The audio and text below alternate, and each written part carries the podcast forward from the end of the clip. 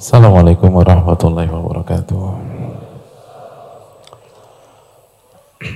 Alhamdulillah hamdan kathiran tayyiban mubarakan fi kama yuhibbu rabbuna wa yarda. Wassalatu wassalamu ala nabiyina Muhammad wa ala alihi wa sahbihi wa man sara ala nahjihi bi ihsanin ila yaumidin wa ba'd. Hadirin yang dirahmati oleh Allah Subhanahu wa taala. Bapak-bapak, ibu-ibu, ikhwan dan akhwat yang saya muliakan. Tidak ada kata yang pantas untuk kita ucapkan pada kesempatan kali ini kecuali bersyukur kepada Allah atas segala nikmat dan karunia yang Allah berikan kepada kita. Salawat dan salam semoga senantiasa tercurahkan kepada junjungan kita Nabi kita Muhammadin sallallahu alaihi wasallam beserta para keluarga, para sahabat dan orang-orang yang istiqomah berjalan di bawah naungan sunnah beliau sampai hari kiamat kelak. Hadirin yang dirahmati oleh Allah Subhanahu wa taala, kita meminta kepada Allah Subhanahu wa taala agar Allah berkenan memberikan kita ilmu yang bermanfaat dan semoga Allah melindungi kita dari ilmu yang tidak bermanfaat. Jamaah yang dirahmati oleh Allah Subhanahu wa taala pada kesempatan kali ini tidak ada yang mempertemukan kita kecuali Allah. Dan semoga kelak pada saat di surga nanti kita akan kembali dikumpulkan oleh Allah Subhanahu wa taala. Amin ya rabbal alamin. Kita masih bersama kitab Tadkiratus Sami wal Mutakallim buah karya Al-Imam Ibnu Jamaah rahimahullahu taala salah satu ulama mazhab Syafi'i yang salah satu karya tulisnya benar-benar bermanfaat dan dikaji oleh para ulama dari zaman ke zaman dan di berbagai macam belahan dunia.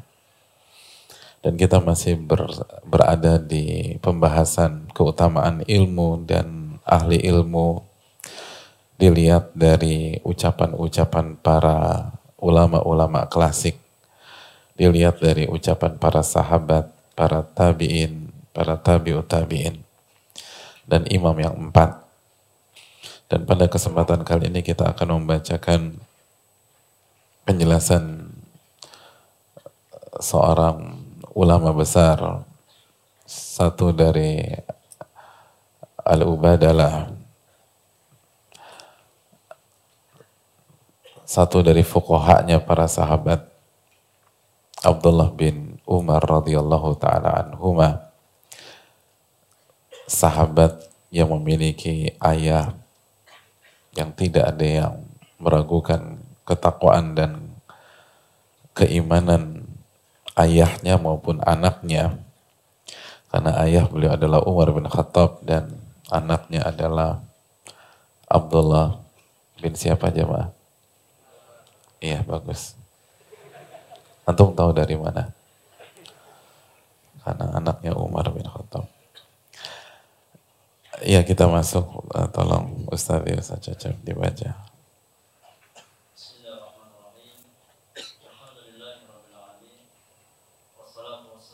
أشرف المرسلين نبينا محمد وآله وصحبه أجمعين أما بعد قال المصنف الإمام ابن جماعة الكناني رحمه الله تعالى وعن ابن عمر رضي الله عنهما مجلس فقه khairun min ibadatin sittina sanatan. Alhamdulillah wa salatu wa salamu ala Rasulillah wa ala alihi wa sahbihi wa man wala wa ba'd.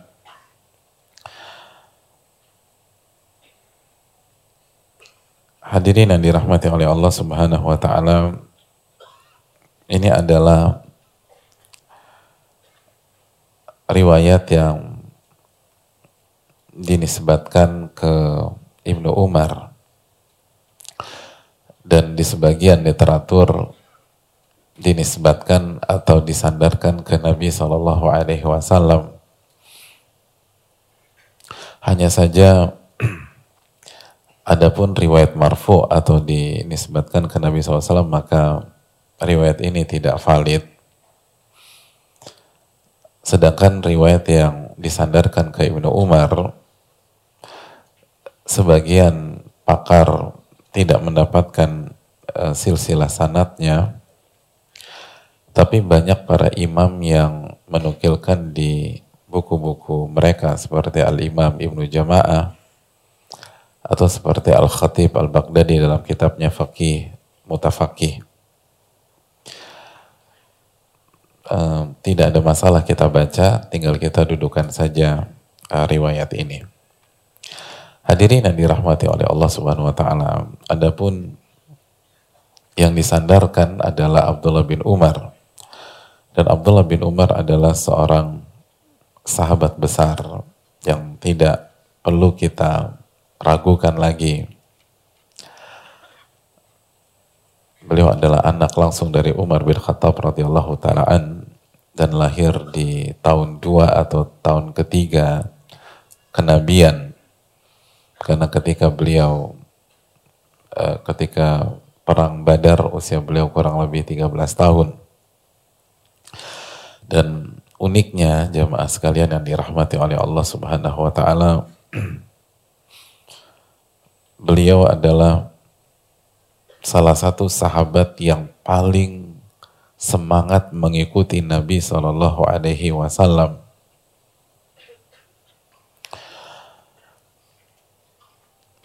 sebuah kalimat yang sangat populer wa kana min asyaddin nasi ittiba'an li sunnati Rasulillah SAW hadiyah. Abdullah bin Umar adalah manusia yang paling atau di antara manusia yang paling semangat mengikuti sunnah Nabi Shallallahu Alaihi Wasallam. Dan ini bisa dicek di Mustad Abdullah bin Umar atau Musnad Imam Ahmad ketika membahas Abdullah bin Umar tahqiq uh, Syekh Ahmad Syakir. Jadi enggak di antara manusia yang paling berittiba kepada Nabi Shallallahu Alaihi Wasallam. Dan kita tahu bahwa beliau salah satu ikonnya anak muda. Walaupun beliau meninggal Eh, di masa tua ya, usia beliau panjang, tapi kita tahu bersama-sama bahwa dari muda itu beliau sudah dikenal dengan berbagai macam prestasi. Dan di antara prestasi beliau adalah di antara sahabat atau di antara manusia yang paling semangat mengikuti sunnah Nabi Shallallahu Alaihi Wasallam. Dan ini pelajaran juga buat kita Maksudnya kita masih muda.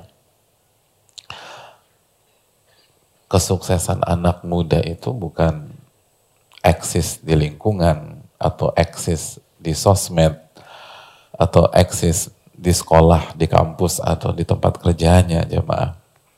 Tapi kesuksesan anak muda itu seberapa dalam dia mengikuti sunnah Nabi Shallallahu Alaihi Wasallam.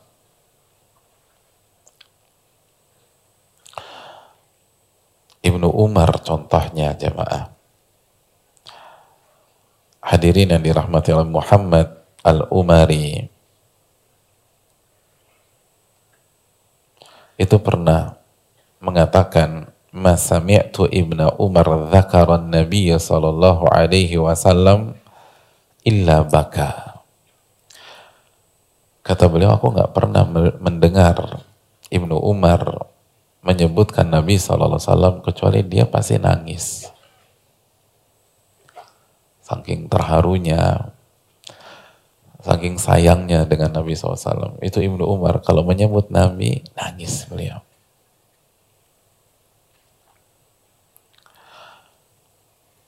Ah, itu anak muda jamaah.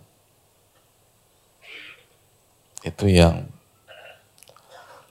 perlu kita rasakan bukan dijadikan joke, bukan dijadikan anekdot, bukan nyinyir sama teman-teman yang berusaha mengikuti tuntunan Nabi SAW. Itu anak muda yang sejati, begitu mendengar bukan bukan mendengar cerita Nabi ya, baru baca atau menyebutkan Nabi aja, itu Ibnu Umar nangis. Jadi atau bayangin betapa jauhnya kita dengan kualitas iman beliau. Dan ketika Nabi SAW bersabda, tentang salah satu pintu di Masjid Nabawi. Beliau katakan begini, Nabi bilang begini, "Lau tarakna hadzal baba nisa." Kalau saja kita bisa buat pintu ini khusus untuk keluar masuknya wanita dan ibu-ibu. Jadi beliau pengen sebuah pintu itu khusus untuk pintu masuk wanita. Laki-laki nggak masuk lewat sana.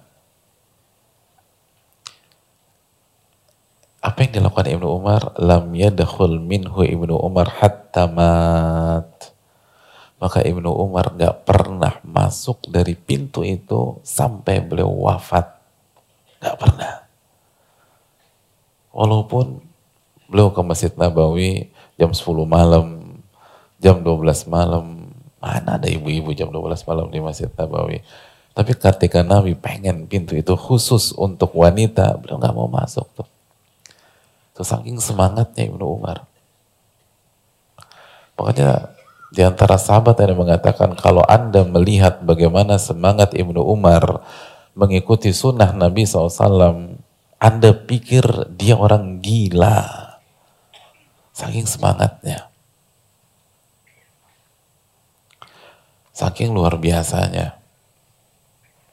Dan ini mengingatkan kita ke surat Ali Imran ayat 31 ketika Allah berfirman, Qul in kuntum tuhibbunallaha fattabi'uni yuhibbukumullah wa yaghfir lakum dzunubakum. Katakan jika kalian benar-benar cinta kepada Allah, maka ikutilah aku, ikutilah Nabi. Apa yang akan terjadi kalau kita mengikuti Nabi kita? Yuhibbukumullah. Niscaya Allah pasti cinta dengan kalian. Wa yakfir lakum dzunubakum dan Allah akan ampuni dosa-dosa kalian. Oleh karena itu hadirin yang dirahmati oleh Allah Subhanahu wa taala. Ketika kita mendengar nama Abdullah bin Umar, ingatlah selalu bahwa beliau adalah ikon dari ittiba kepada Nabi Shallallahu Alaihi Wasallam.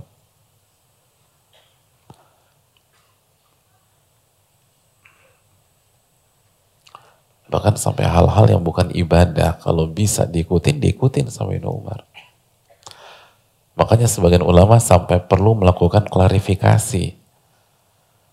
Bahwa nggak semua yang diikuti oleh Abdullah bin Umar itu ibadah, syariat yang kita harus ngikut gitu loh.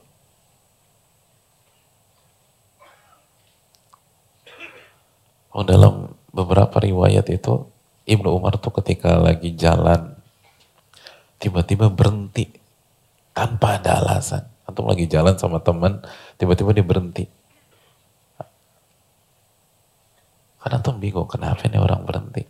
Ketika di cross check, kenapa antum berhenti? Nabi pernah berhenti di sini nih. Subhanallah. Anda ingin berhenti di sini. Cuman gitu aja, pengen aja tuh. Nabi, Anda pernah lihat Nabi pernah berhenti di sini. Maka saya pengen berhenti di sini. Udah nggak ada apa-apa. Saking pengen ngikutin. Saking pengen ngikutin. Dan itu kan nggak aneh teman-teman dan jamaah sekalian. Kita bisa lihat nih. Kenapa ahli dunia bisa ngikutin idola mereka. Kita nggak bisa. Begitu idolanya punya poni, poni semua. Emang ada haditnya? Emang dijamin sorga tuh punya poni? Kan enggak. Kenapa? Idola gue punya poni. Gitu loh.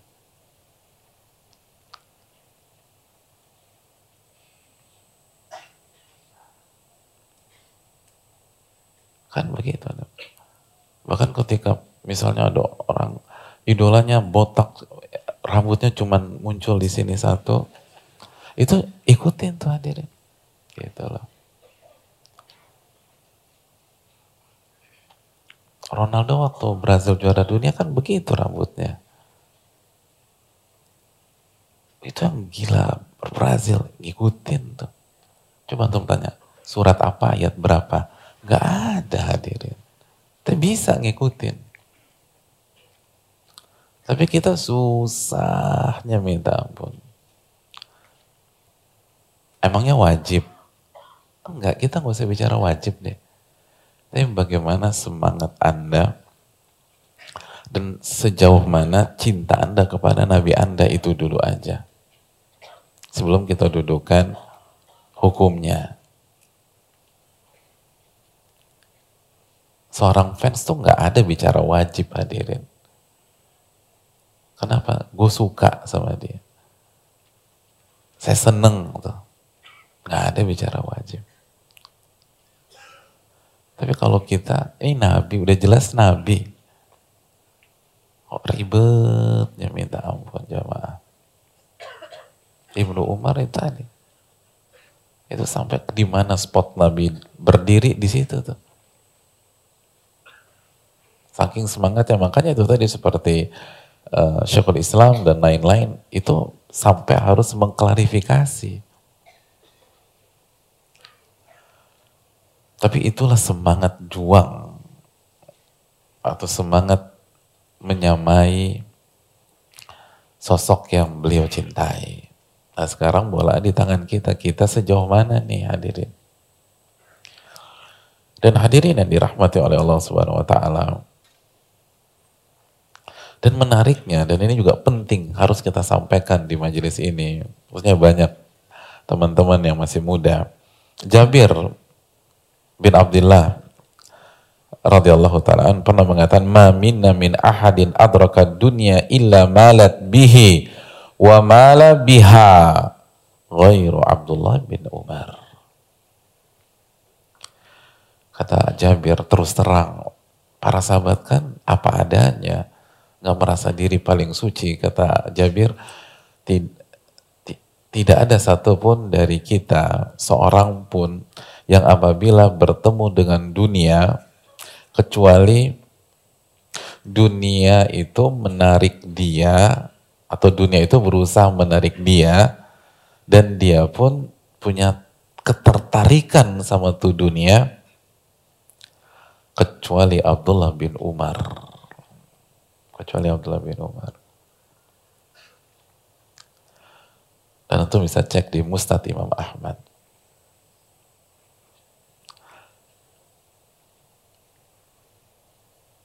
Jadi jamaah yang dirahmati oleh Allah, kata Jabir, kita nih, ya Allah, kalau udah ketemu dunia, pengen tuh. Dan dunia juga narik-narik gitu loh. Kecuali Abdullah bin bin Umar. Ketemu sama dunia, lah dapat dunia depan mata nih. Tinggal bilang iya, dapat misalnya. Iya dapat tuh.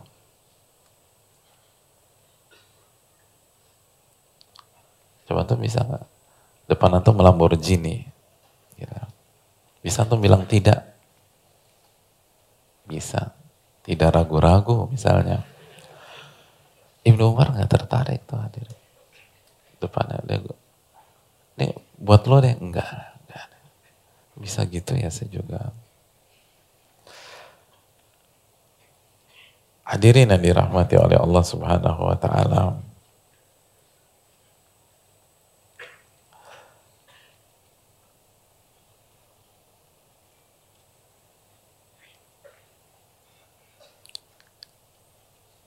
Suatu saat, suatu suatu ketika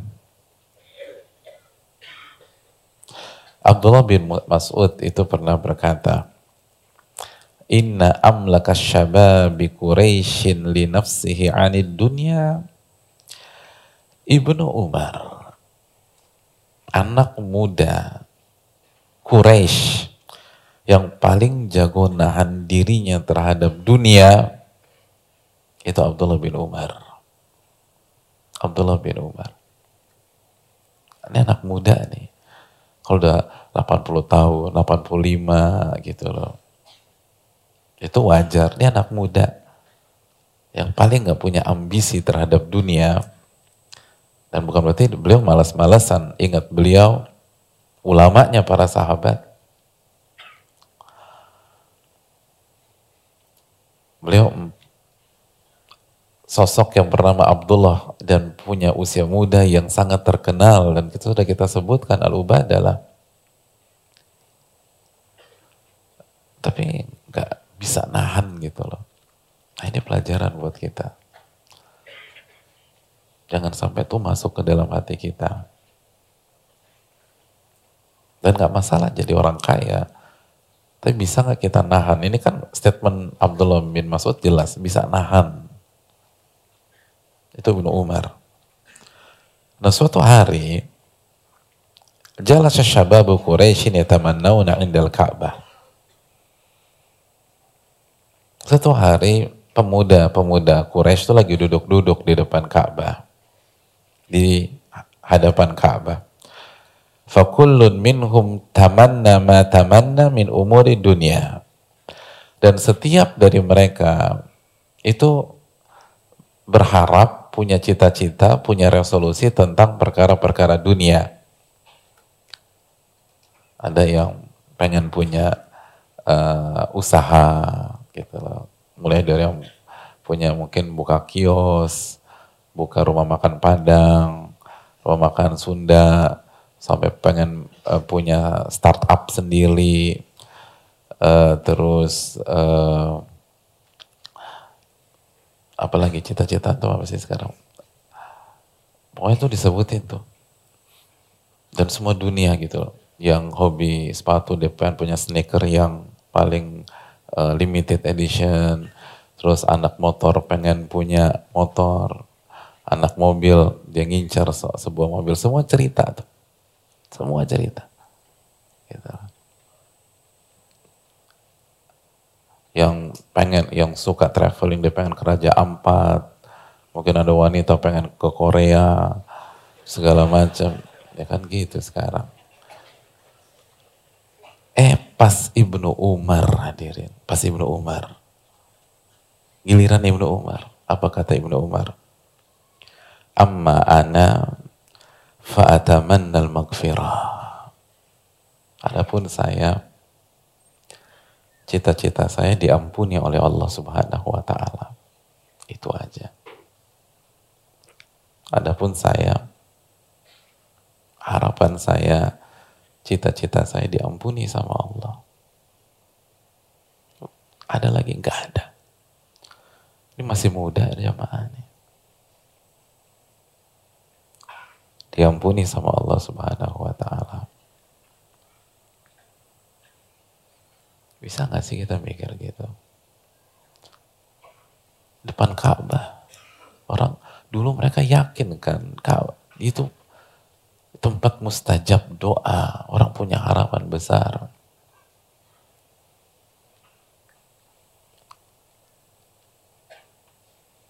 Saya cuma pengen diampuni aja sama Allah Subhanahu wa taala. Titik selesai. Nggak ada. Eh tambah satu deh, tambah satu. Gue pengen nikah juga. Terus kan bisa. Itu jadi orang kaya enggak? Enggak ada kepikiran tuh. Ibnu Umar atau jamaah. Ibnu Umar. Nggak heran kata Abdullah bin Mas'ud, itu anak muda yang paling bisa nahan dirinya. Nah, heran kata Jabir, gak ada orang yang berhadapan dengan dunia, kecuali dunia narik, dia juga tertarik, kecuali Ibnu Umar. Dan itu real. Itu real. Dalam keterangan lain Ibnu Umar itu, kalau menyukai sesuatu, itu klimaksnya dia kasih buat Allah subhanahu wa ta'ala. Beliau terinspirasi dengan surat Ali Imran ayat 92. Lan tanalul birra hatta tunfiqu mimma tuhibbun. Kalian tidak akan mendapatkan hakikat kebaikan, puncak dari kebaikan sampai kalian infakkan hal yang kalian cintai tersebut.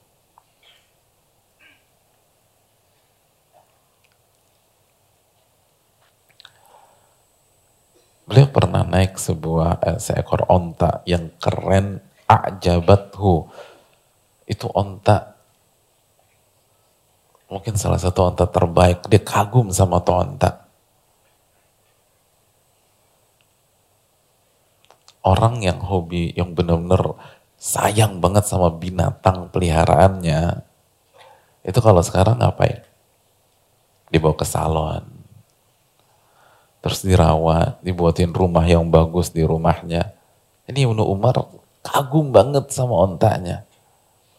Ya Allah ini onta luar biasa. Apa yang terjadi? Fanazala anha.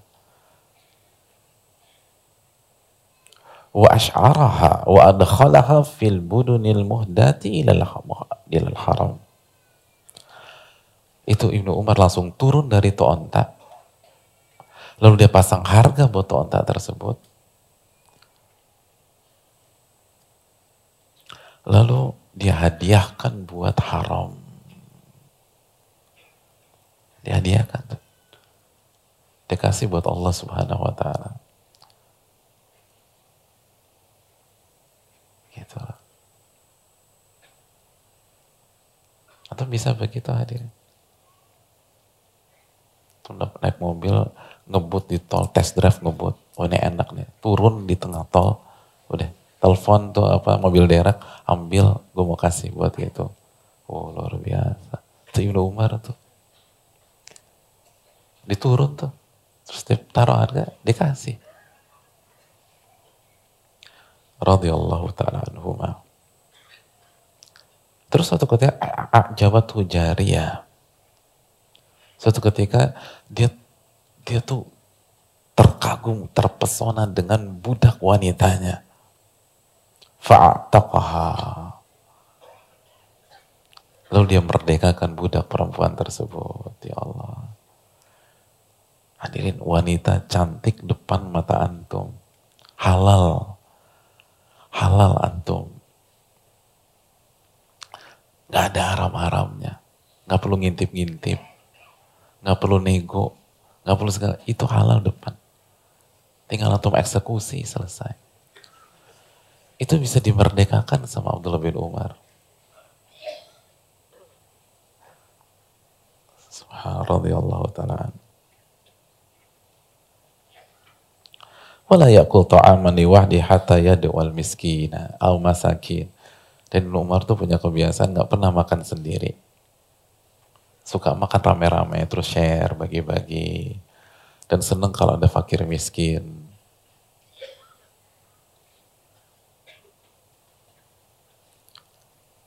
radhiyallahu ta'ala anhumah. Oh keren. Hadirin kita tuh nggak kehilangan sosok loh untuk jadi idola.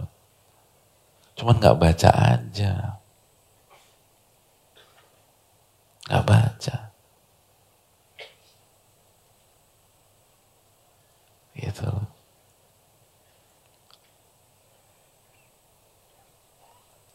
Akhirnya mengidolakan tokoh-tokoh fiksi.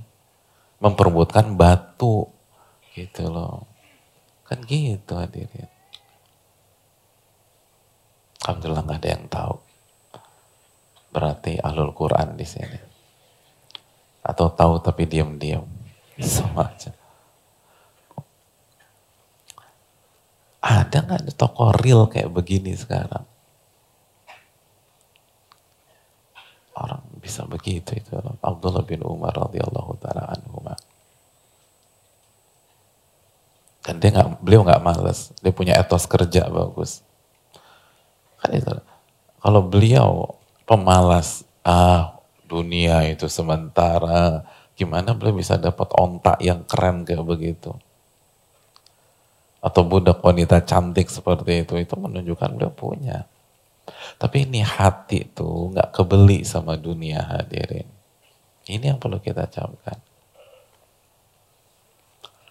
Seperti yang sempat kita bilang, antum nggak masalah punya halal, tapi naik Alphard sama naik angkot tuh harusnya sama aja perasaan hati antum, gitu loh, sama gitu loh. Nggak nggak ada bedanya. Naik first class, naik ekonomi sama aja. lagi ngumpul sama teman-teman yang mungkin nggak punya gitu di bawah jembatan tuh dengan mungkin masuk hotel bintang 5 itu suasana hati sama aja. Kenapa? Karena lobby bintang 5 ujian, kolong jembatan ujian. Kan inti dari dunia tuh itu. Naik Alphard ujian. Naik Bemo ujian apa nggak hadirin? Bemo Hujan banget tuh Pak Ustadz. Ya nggak usah dalam-dalam begitu. Ya sama, dua-duanya ujian. Jadi jadi nggak kebeli gitu loh. Nah itu yang perlu kita camkan. Nah itulah tokoh kita yang yang dibawakan oleh Al Imam Ibnu Jamaah. Antum baca deh cerita tentang Ibnu Umar. Antum kulik tuh. Rugi kita nih kalau nggak kenal tokoh-tokoh kayak beliau. Dan beliau tokoh muda. Dari muda udah jadi nih orang. Kan kita nggak baca. Dan yang baru saya sampaikan kan baru sekelumit aja. Baru sekelumit tentang Abdullah bin Umar radhiyallahu taala anhu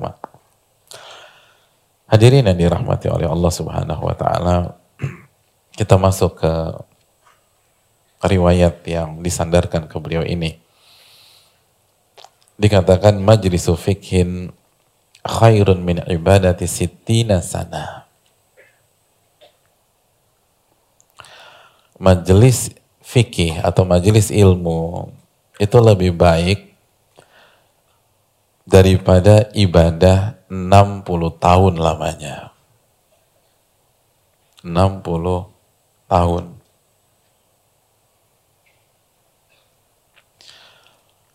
Hadirin yang dirahmati oleh Allah Subhanahu wa taala.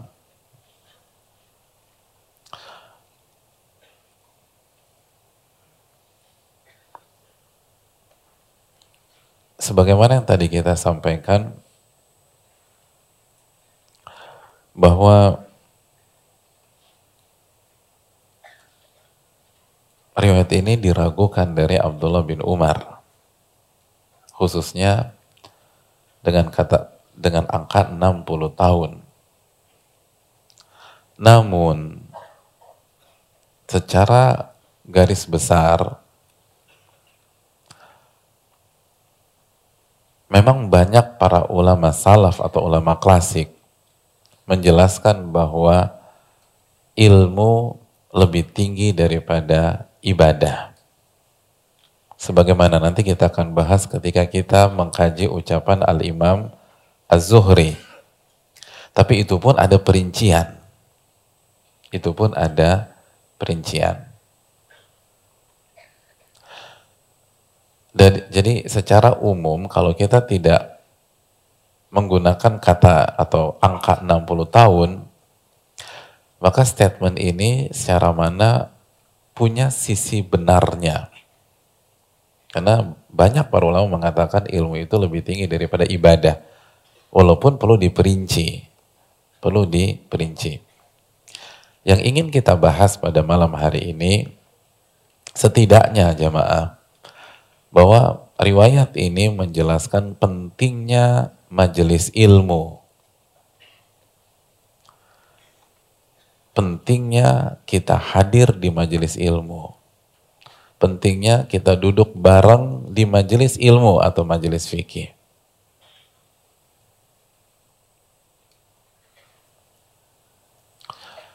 Dan ini dijelaskan oleh banyak para ulama seperti Al-Imam Al-Baihaqi dalam kitab Al-Madkhalnya pun juga membawakan riwayat-riwayat tentang pentingnya majelis ilmu. Dan para ulama yang lain.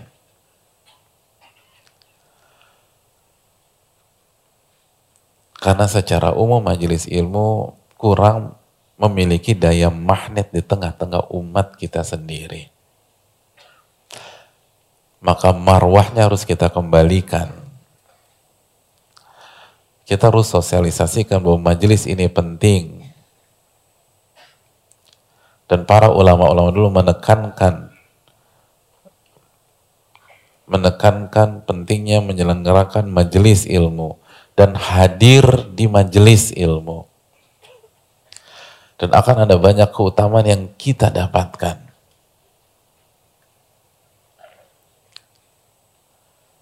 Karena banyak dalil tentang masalah ini.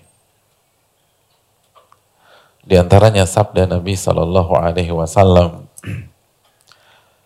ketika Nabi Shallallahu Alaihi Wasallam bersabda, "Idza marartum bi riyadil jannati farta'u." Apabila kalian melewati taman dari taman-taman surga, maka singgahlah di taman tersebut. Singgahlah di taman tersebut. Jadi disuruh mampir hadirin. Disuruh mampir.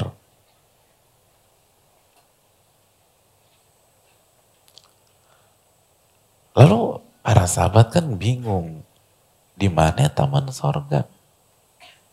Kan gitu kan. Antum hidup ini udah lama. Pernah ketemu taman sorga? Enggak kan.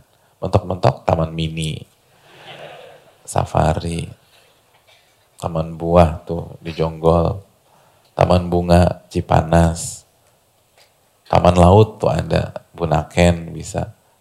Taman surga di mana gitu loh.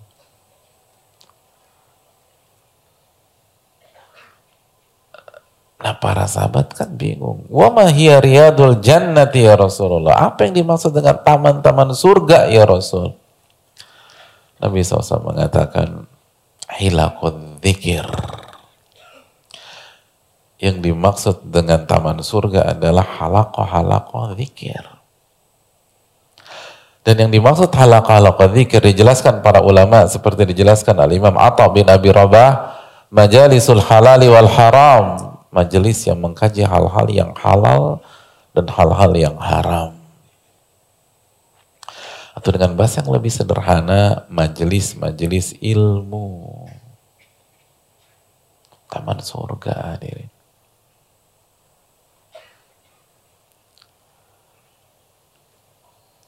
Dan taman surga sat. Hadirin, bayangkan. Antum coba pikirin.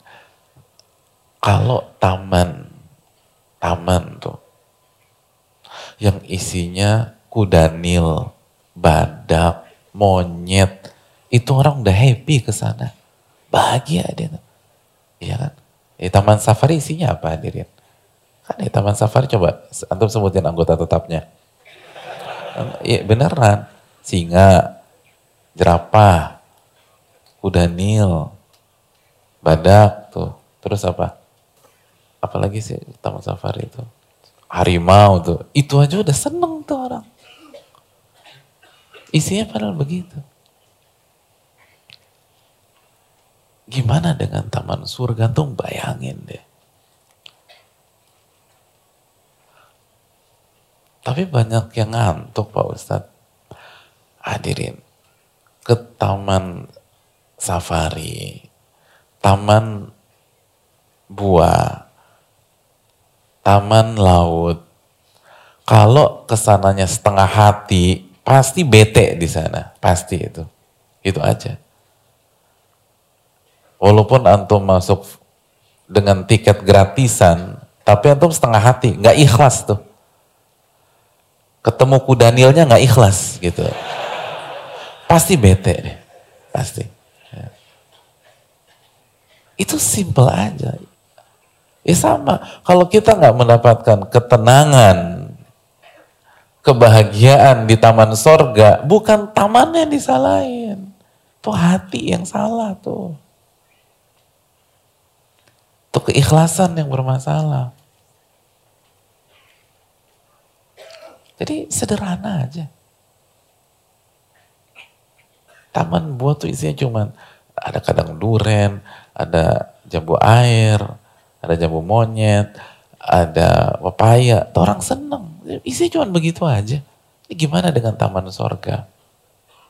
Oleh karena itu, barang siapa yang ingin bahagia dan merasakan surga dunia sebelum surga akhirat, dia harus duduk di majelis ilmu. Kita akan lanjutkan wassalamualaikum warahmatullahi. Muhammad wa ala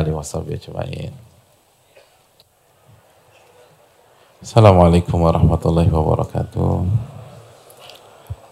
Alhamdulillah hamdan kathiran tayyiban mubarakan fi kama yuhibbu rabbuna wa yarda wa salatu wassalamu ala nabina Muhammad wa ala alihi wa sahbihi wa man sara ala nahjihi bi ihsanin ila yaumidin wa ba'd. Hadirin yang dirahmati oleh Allah Subhanahu wa taala. Di samping majelis ilmu adalah taman dari taman-taman surga yang sebagaimana dijelaskan oleh Nabi dalam hadis riwayat Imam Tirmidzi di atas majelis ilmu pun juga menawarkan berbagai macam ke keutamaan, fasilitas, dan keuntungan yang bisa kita rasakan bersama-sama. Dan di antara hadis yang sangat populer dalam hal ini adalah hadis riwayat Imam Muslim ketika Nabi SAW bersabda, "Majtama'a qaumun fi baitin muyutillah yatluna kitab Allah wa yatadarasuna bainahum illa nazalat alaihim sakinah wa ghasyiyatuhum rahmah wa hafathumul malaika wa dzakarahumullahu fiman tidaklah sebuah kaum berkumpul di salah satu rumah dari rumah-rumah Allah Subhanahu wa taala atau majelis-majelis ilmu. Yatluna kitab Allah. Mereka membaca Al-Quran dan mereka mengkaji dan saling membahas isi dan kandungan ayat-ayat tersebut. Apa yang terjadi hadirin? Nabi SAW bersabda, Nazalat alaihi musakina. Ketenangan akan turun ke dalam diri-diri mereka. Wa rahmah. Ternyata belum selesai karena Nabi melanjutkan rahmat Allah itu meliputi mereka. Wahafat humul malaika dan malaikat-malaikat Allah menaungi mereka. Wa dzakarahumullahu fiman indah. Dan terakhir Allah menyebutkan orang-orang yang ada di majelis tersebut di hadapan penghuni langit atau makhluk yang ada di hadapannya. Hadirin yang dirahmati oleh Allah. Paket yang isinya empat keutamaan. Jika kita datang ke majelis ilmu. Yang pertama, mendapatkan ketenangan hadirin. Mendapatkan ketenangan.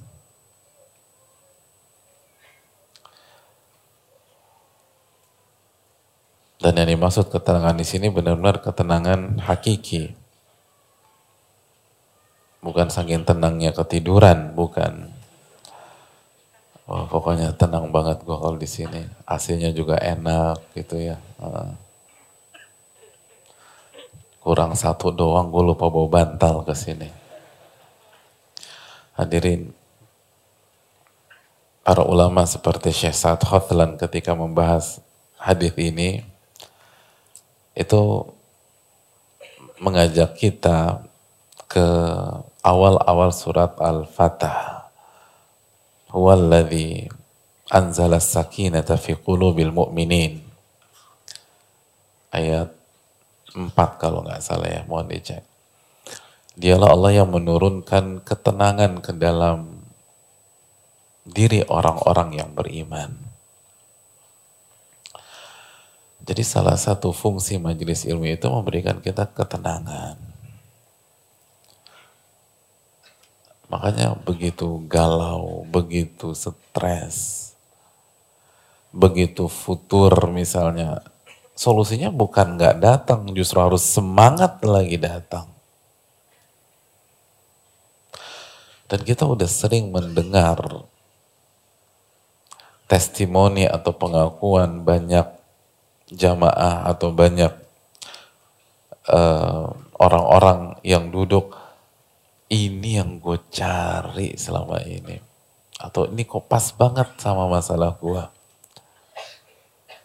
Ustadz lagi bicarain aku ya. Suka gitu tuh. Kegeeran hadirin. Padahal kenal aja enggak. Tapi maksudnya positif. Maksudnya adalah kok bisa pas dengan masalah yang sedang saya hadapi. Saya ke kajian tuh bawa banyak masalah, itu ternyata diurai satu-satu oleh Allah di kajian tersebut. Dan saya tenang. Makanya kan konsepnya gini, kalau mau cari ketenangan, maka minta sama yang punya ketenangan. Minta ke yang punya ketenangan. Kita butuh sayur ke tukang sayur hadirin. Dan ke bengkel mobil yang punya tuh tukang sayur. Ada orang cari ketenangan hangout clubbing, tenang, enggak, tambah galau. Itu menyelesaikan masalah dengan masalah. Kalah sama pegadaian hadirin. Makanya suka, eh, kita suka heran loh. Gak ada ketenangan di situ tuh gak ada. Ketenangan tuh di majelis. Nabi yang bersabda, Nabi gak pernah bohong. Coba buktikan satu aja Nabi bohong. Oh Allah yang berfirman, "Wa ma yantiqu 'anil hawa in huwa illa wahyun yuha." Nabi nggak bicara dengan hawa nafsunya, namun wahyu Allah wahyukan kepada beliau. An-Najm ayat 3 dan 4. Ada orang cari ketan dia minum. Dia ngisep ganja. Dia pakai obat. Dia nyabu. Nggak ada dalil itu bisa menyingkirkan rasa gundah kita. Kalaupun ada ketenangan beberapa saat, lalu masalah bertumpuk menanti kita setelah itu. Adapun di majelis nazalat alaihimus sakinah. Allah turunkan ketenangan kepada mereka. Itu janji. Jadi barang siapa yang mau cari ketenangan ke sini hadirin. Itu buktinya sudah sangat amat banyak. Karena Allah dan Rasulnya nggak mungkin bohong. Ketenangan itu milik Allah dan Allah masukkan ke dalam hati orang-orang beriman, hati orang yang duduk di majelis ilmu dan mengkaji ilmu Allah dengan ikhlas. Dan nggak cukup sampai di situ, itu baru awal. Wa rahmah, rahmat kasih sayang Allah, Allah liputi ke orang-orang yang belajar, yang ngaji.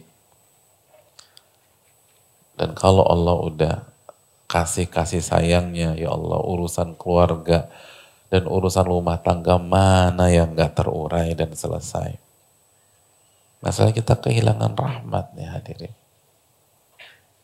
Nah itu kuncinya tuh datang ke kajian.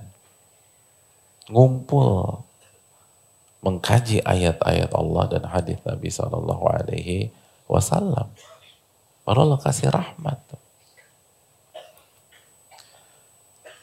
Sehingga hubungan suami istri enak, hubungan antara orang tua dan anak nyaman. Lalu bisnis kita disayang sama Allah Subhanahu wa taala kan rahmat hadirin.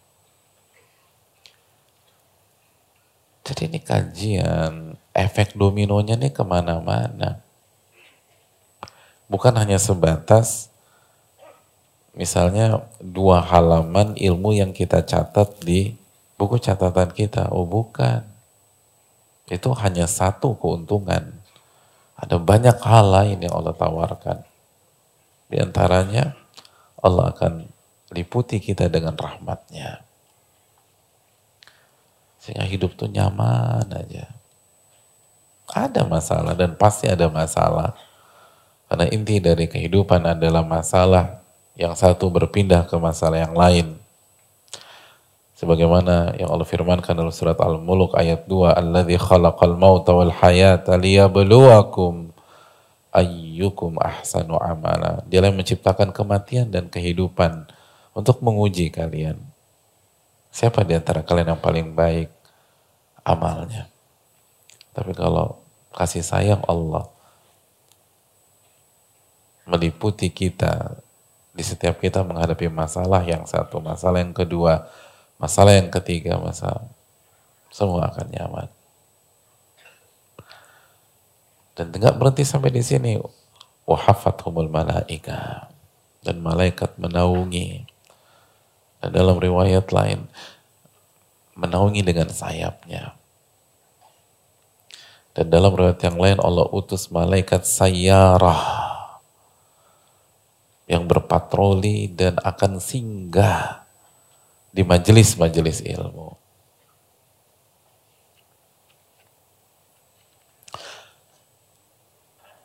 Karena keutamaan. Jadi malaikat aja nyari ya hadirin. Itu malaikat. Kita banyak dosa hadirin. Banyak khilaf, banyak kesalahan. Masa kita nggak nyari kajian? Malaikat tuh nggak punya masalah hadirin. Itu nyari kajian. Kita banyak masalah nggak datang ke kajian. Padahal kita udah pelajari bahwa solusi menyelesaikan masalah-masalah hidup adalah ilmu, pertolongan, keberkahan dari Allah. Wa kaifa tasbiru ala ma lam tuhit bihi khubra dalam surat Al-Kahfi ayat 68 yang sudah kita bahas bareng-bareng. Bagaimana Anda bisa sabar dan bertahan sedangkan Anda nggak tahu ilmu dari masalah yang Anda hadapi. Oleh karena itu jamaah yang dirahmati oleh Allah Subhanahu wa taala majelis-majelis ilmu itu dinaungi malaikat. Makanya para ulama mengatakan kita harus punya adab hadirin di majelis karena malaikat hadir. Malaikat hadir. Ong pejabat, ekselon satu, gubernur, menteri, RI satu kalau hadir, oh semua kita harus jaga adab tuh. Karena pejabat datang. Nah di sini nih bukan pejabat lagi yang datang, malaikat datang. Masa kita nggak jaga? Masa kita nggak jaga anak-anak kita? Karena malaikat itu menaungi, karena ridho kepada kita, mendoakan kita. Lalu kata Nabi SAW, وَذَكَرَهُمُ فِي مَنْ indah. Dan Allah menyebutkan mereka di hadapan makhluk-makhluknya yang ada di sisinya. Oh, luar biasa. Ini prestisnya luar biasa. Coba antum bayangin ya, kita nih yang dulu begajulan, yang nggak jelas, ya mungkin ada yang mabok dulu, ada yang main perempuan, ada yang selingkuh. Tiba-tiba begitu hadir di tempat ini, Allah banggakan kita di hadapan malaikat-malaikatnya. Yang punya neraka banggain kita. Kira-kira kita masuk neraka nggak itu hadirin? Yang punya sorga banggain kita. Allahu Akbar yang punya sorga nih. Kalau mau eksis di sini eksis. Kalau mau eksis, eksis di hadapan makhluk-makhluk yang ada di hadapan Allah. Banyak orang pengen terkenal. Kalau mau terkenal, terkenal di penduduk langit hadirin. Adapun penduduk dunia nggak ada fungsinya. Oh Nabi katakan annal ummata law ijtama'at ala an yanfa'uka bi syai' lan yanfa'uka bi syai' lan yanfa'uka illa bi syai'in qad kataballahu lak. Apabila seluruh manusia, penduduk bumi ini, manusia bersepakat, berkoalisi, bersekutu untuk mensupport Anda, mendukung Anda, memberikan manfaat untuk Anda. Lan yanfa'uk, mereka nggak akan bisa memberikan manfaat nggak akan bisa mensupport kita kecuali apa yang Allah takdirkan untuk kita. Gak ada gunanya. Tapi kalau Allah bangga, Allah kita udah terkenal di hadapan penduduk langit. Oh dahsyat hadirin. Oh itu luar biasa. Gimana perasaan kita jika nama kita dibangga-banggain di seluruh media mainstream dan non mainstream yang ada di tanah air. Oh diangkat, disebut, dipuji. Setiap antum ganti channel TV, nama antum disebut. Ganti lagi nama antum. Ganti nama antum. Buka portal berita, antum lagi dibangga-banggain. Coba bayangin gimana perasaan kita. Padahal itu tadi dibanggain di dunia itu nggak ada manfaatnya kecuali apa yang Allah takdirkan untuk kita. Jadi kita senang tuh. Nah masa ini nggak senang? Kalau nggak senang berarti iman udah masalah. Dan ngaku beriman. Orang beriman tuh bangga. Maka coba di sela-sela kajian saat kita khusyuk, coba kita ya Allah semoga nih detik-detik ini nih Allah nyebutin nama saya di hadapan malaikat-malaikatnya. Pernah coba pikirkan itulah. Di tengah-tengah kajian tuh renungkan hadis ini. Kayaknya nama gue nih disebutin gitu mikirnya. Semoga aja dijaga keikhlasan biar nama saya disebutkan. Itu kalau Allah udah sebutkan, mau karakter kita dibunuh kayak apa, tahu di muka bumi ini nggak ada masalah hadirin. Oleh karena itu, itu yang perlu kita camkan. Maka harus ngejar. Harus nyari. Belum lagi ini keberkahan hadirin. Dan ini yang terus kita sampaikan media itu sebagai opsi kedua, ketiga, keempat ketika nggak bisa, bukan nggak mau, nggak bisa hadir langsung. Kalau bisa datang hadirin. Ini bukan tentang konten, ini tentang keberkahan. Karena kalau hanya tentang konten, banyak kajian nggak perlu datang. Cek di Google aja semua ada kalau cari konten. Karena kita pada hari ini di era di mana konten dibuka sama Allah. Tapi karena kenapa kualitas kita selalu jauh di bawah umat-umat terdahulu kita. Padahal bisa jadi konten yang kita punya dengan konten yang dimiliki oleh banyak para ulama di abad-abad sebelum kita itu jauh lebih banyak kita. Tapi kenapa kualitas selalu menurun? Keberkahan.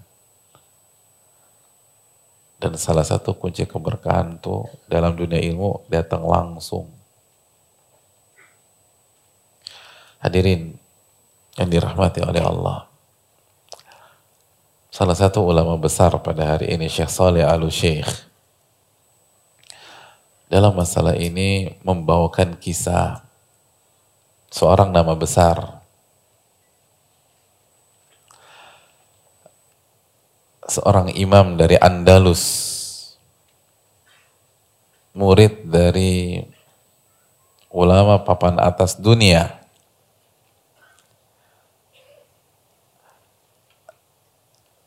Imam dari Andalus ini bernama Yahya bin Yahya Al-Laythi yang khusus datang dari Andalus. Andalus itu Spanyol sekarang secara umum Spanyol, kalau secara spesifik Spanyol, Prancis, Portugal sekarang ya. Lo datang dari Spanyol ke kota Madinah hanya untuk belajar dengan Imam Malik.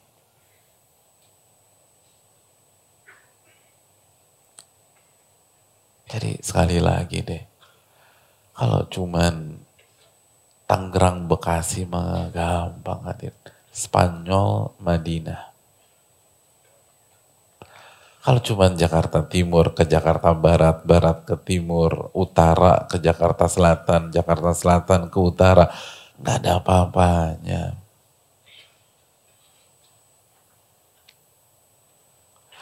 Beberapa waktu beberapa waktu yang lalu di Masjid Nabawi ada daurah Syekh Saleh Al Utsaimin itu rame luar biasa diri. Itu yang hadir dari Kuwait, dari Imarat, dan dari banyak negara. Datang ke Madinah khusus untuk ikut daurah. Karena itu kultur para ulama. Nah begitu juga dengan Yahya bin Yahya al-Laythi.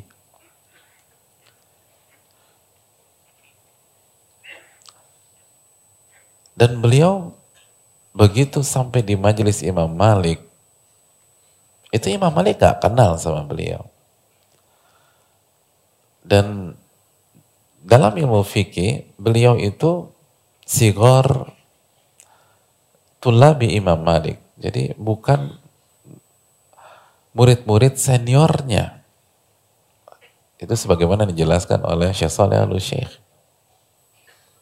Jadi begitu datang, ya beliau sama kayak jamaah yang nggak dikenal sama ustadznya misalnya. Sampai pada satu hari, kota Madinah kedatangan tamu yang menarik perhatian penduduk dan warganya. Siapa tamunya? Gajah hadirin. Begitu gajah datang, itu orang Madinah geger. Dan waktu itu Imam Malik sedang ngaji, sedang buat kajian. Terus lalu ada teriakan mungkin ada gajah, ada gajah itu majelis bubar. Murid-murid meninggalkan Imam Malik untuk bertemu si gajah. Itu bayangin. Ada teriakan, ada gajah di Melawai situ. Tiba-tiba ini bubar semua. Pengen selfie sama gajah pengen wifi sama gajah. Itu itu majelis Imam Malik kosong. Kecuali Yahya bin Yahya al-Laythi. Maka Imam Malik bingung. Kenapa nih orang nggak pergi? Kenapa nggak ikut-ikut sama yang lain? Kenapa dia tetap bertahan? Ditanya, siapa nama Anda? Bukan. Ya kan kalau kalau kompetitornya pas kajian full, nggak mungkin Imam Malik nanya. Tapi kalau semua bubar karena ada gajah di bawah, tinggal sisa satu, kan orang, Ustadznya nanya, ini, ini orang kenapa ini nggak bubar? Dia nanya, siapa namanya? Yahya. Kenapa anda nggak ikut bubar sebagaimana murid-murid yang lain? Apa kata beliau? Rahil tu li aramalikan walam arhal li arafila. Saya datang jauh-jauh dari Spanyol untuk melihat Malik, bukan melihat gajah. Saya ini datangnya lihat antum. Kalau pengen lihat gajah ngapain saya ke Madinah, saya ke Afrika. Itu jawaban yang sederhana, simpel, tapi menyentuh hati Imam Malik. Semenjak itu deketlah. Dan akhirnya Yahya bin Yahya al-Laythi meriwayatkan muwatta dari Imam Malik dan ini poinnya sebagaimana penjelasan Syekh Saleh al-Syekh kitab muwatta di timur dan di barat dunia mayoritasnya berasal dari riwayat Yahya bin Yahya al-Laythi. Dan ini kata beliau menunjukkan keberkahan ilmu Yahya bin Yahya al-Laythi. Kenapa? Karena faktanya beliau termasuk sigor murid-muridnya Imam Malik. Bukan kibar tulabi Imam Malik. Beliau murid Imam Malik yang kalau bahasa kita junior bukan yang senior. Tapi justru dari riwayat beliau lah muatto bertebaran di permukaan bumi. Itu berkah tuh hadirin. Berkah datang langsung duduk. Jadi tuh bayangin sampai hari ini muatto adalah referensi wajib seluruh karya-karya ilmiah. Mungkin Di Jakarta nggak dikaji, ada kajian muatak mungkin enggak. Tapi disertasi, tesis, skripsi, dan di tengah-tengah para ulama, ustadz-ustadz antum yang ngisi kajian, itu pasti nukil. Ketika ada riwayat dari Imam Malik. Itu pahalanya Yahya bin Yahya Letis, bayangin sebanyak apa. Berkah. Cari keberkahan hadirin. Ini penting. Cari keberkahan. Kita nggak pernah tahu tuh. Yahya bin Yahya Leiti nggak pernah mendesain atau membuat skenario kenalan sama Imam Malik pada hari tersebut. Emangnya dia tahu ada gajah masuk kota Madinah? Nggak tahu. Justru itu hikmahnya ada gajah. Akhirnya beliau jadi pusat perhatian gurunya. Kalau nggak nggak habis, nggak dapat tuh. Gitu. Kan gajah bukan punya dia. Jadi bukan dia ngeset. Gitu. Nah itu sama. Kita nggak pernah tahu kapan momen itu datang. Kapan saat-saat itu datang lalu Allah buka pintu keberkahan yang begitu luar biasa. Oleh karena itu jamaah sekalian khususnya di kajian ini. Kalau bisa jangan pulang sebelum berakhir.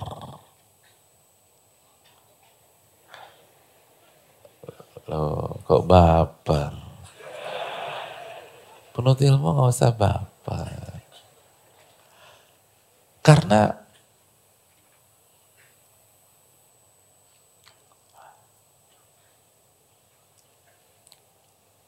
kalimat Ustadz kita buka sesi tanya jawab bukan lampu hijau buat pulang. Ya kita buka sesi tanya jawab. Naik satu, naik satu, naik satu. Kok pada pulang? Pulang itu doa kafaratul majelis, nah itu pada pulang. Walaupun nginep juga boleh. Kecuali kalau memang ada kondisi yang memang harus pulang. Hadirin bisa jadi itu pintu keberkahan Allah buka pas sesi tanya jawab. Bisa jadi masalah yang selama ini kita hadapi. Itu Allah kasih jawaban dari pertanyaan saudara kita. kita nggak pernah kepikiran nanya itu. Atau kita udah kepikiran dari setahun yang lalu, tapi pertanyaan kita nggak pernah dibaca sama ustadznya. Eh, dibaca. Pertanyaan saudara kita dibaca. Itu yang kita tunggu. Makanya sekali lagi, salah satu pengalaman yang sangat membekas dalam diri saya adalah ketika saya tidak ikut pelajaran tafsir karena dipanggil oleh pihak manajemen kampus sampai lima menit kurang lebih sebelum bel tanda berakhirnya pelajaran tafsir tersebut. Begitu saya lihat lima menit lagi, habis ini waktu istirahat. Akhirnya saya pikir percuma masuk ke kelas bikin apa ngeganggu kajian yang sedang disampaikan Syekh saja. Saya putuskan, saya ke perpustakaan waktu itu. Pas, saya lupa, pas pulang atau pas istirahat, mau masuk, ketemu sama Syekh. Hafizahullah ta'ala. Beliau tanya, Muhammad kok nggak masuk tadi pelajaran saya? Karena saya merasa nggak bersalah, saya tenang-tenang aja. Oh Syekh, tadi saya dipanggil sama manajemen kampus Terus pembicaraannya sampai lima menit sebelum selesai jam tersebut. Saya pikir ya tinggal lima menit lagi, saya nggak mau ganggu. Apa kata beliau hadirin? Kata beliau, bisa jadi di lima menit terakhir itulah ilmu yang bermanfaat buat antum. Bisa jadi di lima menit terakhir itulah keberkahan ilmu untuk antum. Lalu beliau bilang, ke depan, datang walaupun satu menit sebelum bel. Gak masalah. Kita nggak tahu kapan Allah turunkan keberkahan. Jadi kalau bisa bertahan, bertahan kecuali kalau darurat, kondisinya nggak memungkinkan, nggak masalah. Tapi sayang hadirin. Sesi tanya jawab itu sesi ibadah kepada Allah. Dan lagi-lagi kita cari keberkahannya. Semakin full kita ngaji, semakin berkah. Semakin berkah. Beda keberkahan. Itu tadi Yahya bilang nggak pernah tahu kan. Ada gajah yang membuat beliau dikenal sama gurunya. Dan akhirnya menjadi periwayat. Itu dan banyak sekali pengalaman-pengalaman kayak begitu hadirin. Jangan remehkan. Walaupun saya ingin sampaikan apabila kita lihat saudara kita, teman kita pulang duluan, beranjak ketika sesi tanya jawab, maka tugas kita husnudhan sama saudara kita. Ingat kaidah di dunia ilmu. Al-ilmu rahimun baina ahli. Ilmu itu membuat sesama penuntut ilmu saling menyayangi, saling mencintai, saling memberikan uzur.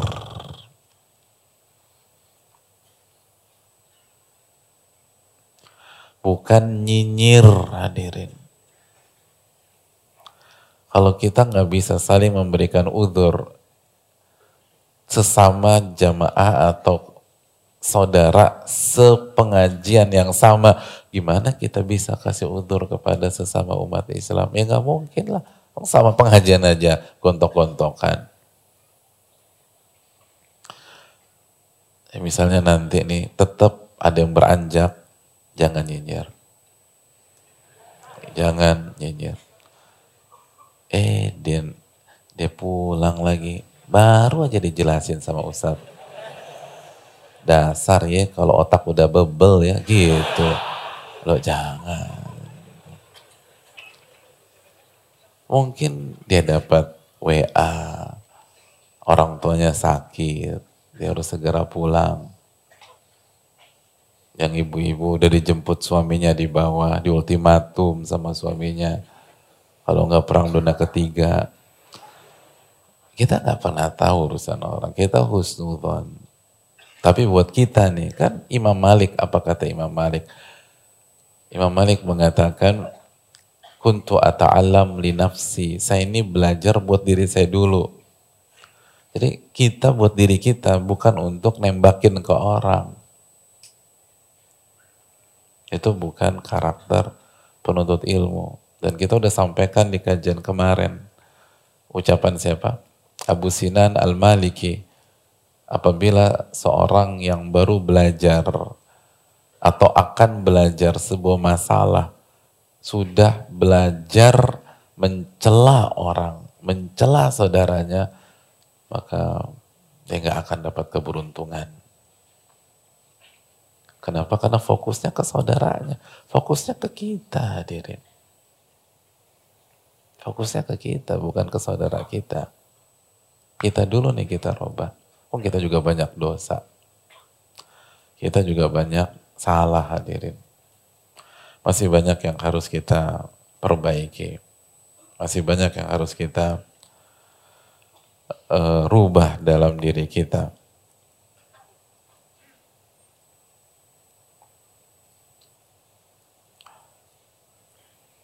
Makanya Hakim pernah ditanya, Ma'as Abul Asya, apa tuh hal yang paling sulit ma'rifatul insani aiba nafsi wal imsak anil kalam fi ma la ya'ni di antara yang paling susah adalah sadarnya seseorang tentang aib-aibnya. Karena banyak orang nggak sadar. Aib orang pinter kita tahu. Aib kita nih, lupa kita. Dan menahan ucapan dari hal yang gak bermanfaat buat kita.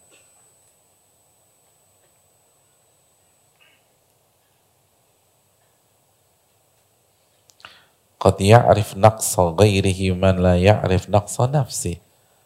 Dan sering kali orang yang jago melihat kekurangan orang lain itu gak jago melihat kekurangannya sendiri. Itu sunatullah. Dalam ini orang yang jago melihat kekurangan orang lain itu secara umum mayoritas, nggak semua tentu saja. Ulama jago melihat kesalahan orang lain. Tapi ulama nggak masuk ke kotak ini. Yang dimaksud adalah orang-orang yang sibuk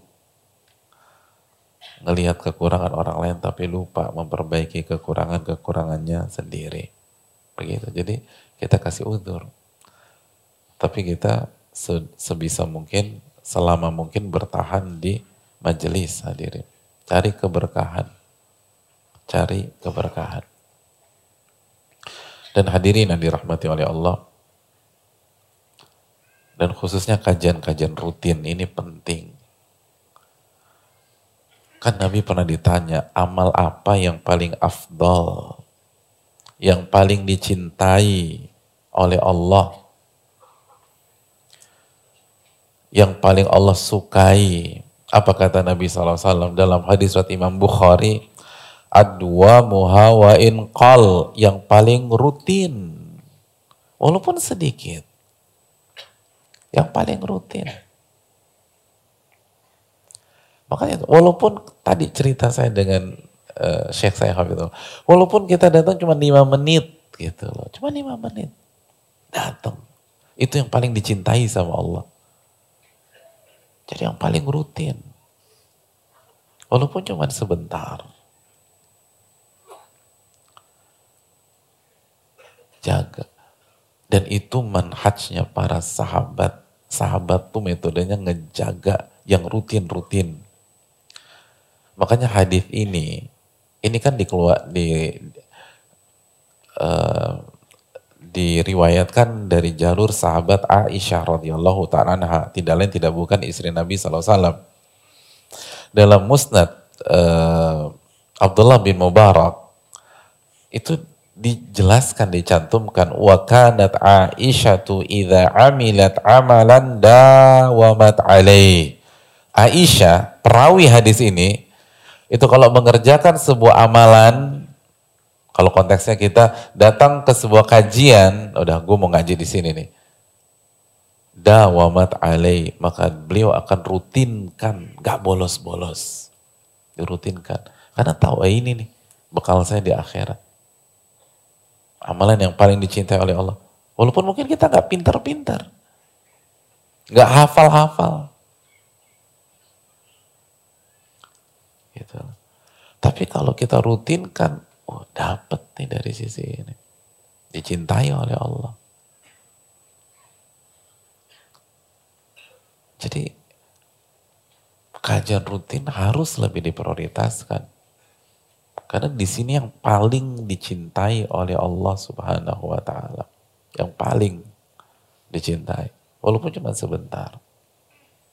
Perjuangkan hadirin. Dan itu yang kita lihat dari para ulama. Mereka tuh ngejaga banget kajian-kajian rutin mereka. Kecuali kalau udah mentok, udah kartu mati, udah nggak bisa di baru deh libur. Tapi kalau nggak, jalan terus. Walaupun cuma sedikit yang datang, walaupun cuma satu atau dua orang, kajian rutin jalan terus. Itu yang paling dicintai oleh Allah Subhanahu wa taala. Ingat hadirin, umur kita terbatas. Dosa banyak dulu, amalan juga sedikit. Maka ingat sabda Nabi, wa'malu wa khayyiru. Beramalah dan pilihlah. Pilih. Gak bisa keren semua. Fikul aulawiyat. Kita harus tahu fikih prioritas. Ini majelis taklim di Jabotabek banyak. Atau di Jakarta banyak atau misalnya yang di Bandung banyak. Kita harus milih. Mana yang pilih? Di antaranya adalah cari yang paling dicintai oleh Allah. Oh ternyata yang paling dicintai oleh Allah yang rutin. Nah, jaga tuh kajian rutin. Jaga. Datang. Karena ini bukan hanya sekedar masalah konten. Kita cari prioritas. Amalan banyak. Usia udah terbatas dan kalau ngadain konten juga nggak pinter-pinter, nggak jadi ulama-ulama juga. Tapi kalau keberkah, walaupun nggak semua tentu saja ya, ada sebagian yang memang serius dan memang targetnya jadi ulama. Tapi secara umum misalnya, saya cari yang paling Allah cintai. Apa tuh? Ah, yang rutin. Dan yang rutin bukan berarti hanya di sini aja, atau mungkin punya kajian di tempat lain, yang rutin tuh dijaga hadirin. Itu yang paling dicintai oleh Allah. Itu yang paling disenengin sama Allah subhanahu wa ta'ala. Dan hadirin yang dirahmati terakhir khususnya kita nih harus memaksimalkan rizki yang Allah kasih ke kita berupa adanya guru atau ustadz atau mungkin ahli ilmu yang ada di lingkungan kita atau di kota kita. Karena kita nggak tahu umur hadirin, kita nggak tahu aja. Salah satu penjelas, penyesalan para ulama klasik itu mereka belum sempat belajar, gurunya udah meninggal dunia. Al-Hafidh Ahmad bin Muhammad Al-Asbahani sebagaimana yang dibawakan oleh Al-Dhahabi dalam siar, seorang ulama besar. Beliau ngincer belajar sama seorang sosok yang bernama Abu Nasr. Apa kelebihan Abu Nasr? Abu Nasr adalah hamilu hadith Ali bin al-Ja'ad an Syu'bah Abu Nasr ini muridnya Ali bin al-Ja'ad. Dan Ali bin al-Ja'ad adalah sosok yang meriwayatkan hadis-hadis dari Imam Syu'bah. Itu Al-Imam Al-Hafidh Al-Asbahani pengen banget belajar dari itu orang. Biar dapat hadisnya, ilmunya Imam Syu'bah. Mau dikejar hadirin. Dicari di mana kajiannya. Hadirin yang dirahmati oleh Allah Subhanahu wa taala. Falamma wasala talaqahu na'yahu. Dan ketika sampai ke tempatnya Abu Nasr, wa idza bil alim hadzal muhaddits qad mat. Ternyata begitu dia sampai Abu Nasr meninggal dunia. Meninggal dunia, wafat beliau itu begitu. Al-Hafidh Al-Imam Ahmad bin Muhammad Al-Asbahani datang meninggal. Fabaka wasah nangis di tempat tuh hadir nangis. Ya Allah kok bisa? Ya Allah nggak dapat. Keburu meninggal orangnya. Terus beliau berteriak secara spontanitas Beliau katakan, min aina li Ali bin al-Ja'ad an Syu'bah. Di mana lagi aku bisa mempelajari ilmu dan hadisnya Asyu'bah dari Ali bin Ja'ad. Dari mana lagi saya bingung nih. Saya pengen belajar dari Abu Nasr, meninggal orangnya. Hadirin yang dirahmati oleh Allah Subhanahu wa taala. Mumpung masih ada waktu, Mumpung misalnya ustadz-ustadz kita masih sehat, masih bisa ngajar, masih bisa buka majelis, itu manfaatin. Karena kita nggak pernah tahu. Saya tahu di sebuah daerah, itu ustadznya Masya Allah, nahsabu kadzalik wala nuzaki oleh ahad, meninggal dunia sampai hari ini, itu murid-muridnya bilang, kita sampai hari ini kayak anak ayam kehilangan induk Ustadz. Bingung, gak ada yang sekarakternya kayak beliau tuh nggak ada. Pada saat ini tentu saja. Kita belum dipertemukan lagi nih. Oleh karena itu maksimalkan, datang ke kajian. Beda berkahnya beda hadirin. Apalagi kajian rutin. Terus mumpung ada. Karena kita nggak tahu. Ajal di tangan Allah. Kesempatan di tangan Allah. Bisa jadi ada ustadz bagus, tiba-tiba jatuh sakit, dia nggak bisa ngisi lagi udah. Udah selesai itu. Jadi mumpung ada, maksimalkan. Dan jangan hanya ngandelin media. Jangan hanya ngandelin media. Masa bidang-bidang lain bisa, kita nggak bisa. Masa penggemar bola bisa datang ke stadion, kita nggak bisa hadirin. Dan kadang-kadang mainnya di Jakarta tuh bukan orang Jakarta, orang Kalimantan datang, orang Surabaya, orang timur datang ke sini. Itu bisa dia. Padahal ada siaran langsungnya. Lebih enak malah di rumah. Lebih nyaman, pakai kursi goyang, ada pisang goreng, ada singkong, gitu loh. Dia bisa jungkir balik tuh di ruang tamu. Tapi semua penggemar bola bilang atmosfer stadion tuh beda tuh. Gitu atmosfernya beda Pak Ustadz. Pak Ustadz sih nggak pernah nonton langsung gitu katanya. Hadirin masa ya, simple aja deh. Nggak usah ribet-ribet. Mungkinkah atmosfer masjid kalah dengan atmosfer stadion? Itu aja ya simpelnya. Kalau ikhlas, nggak mungkin kalah.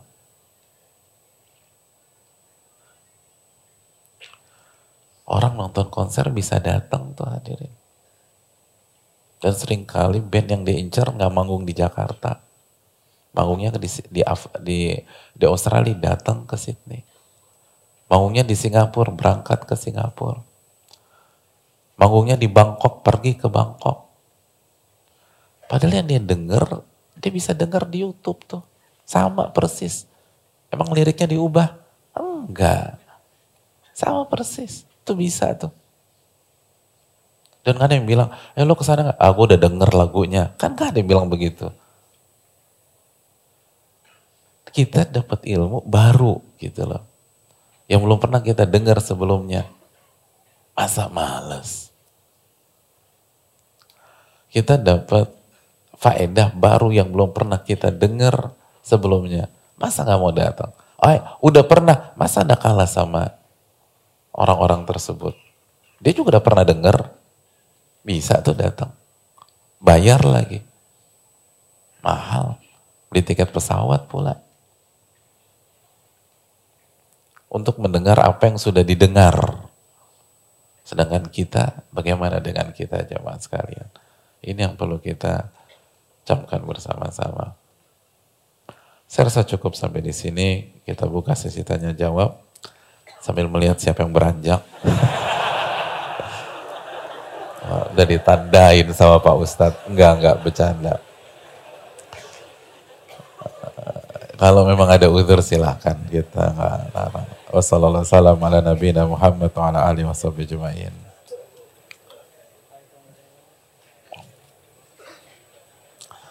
Ya.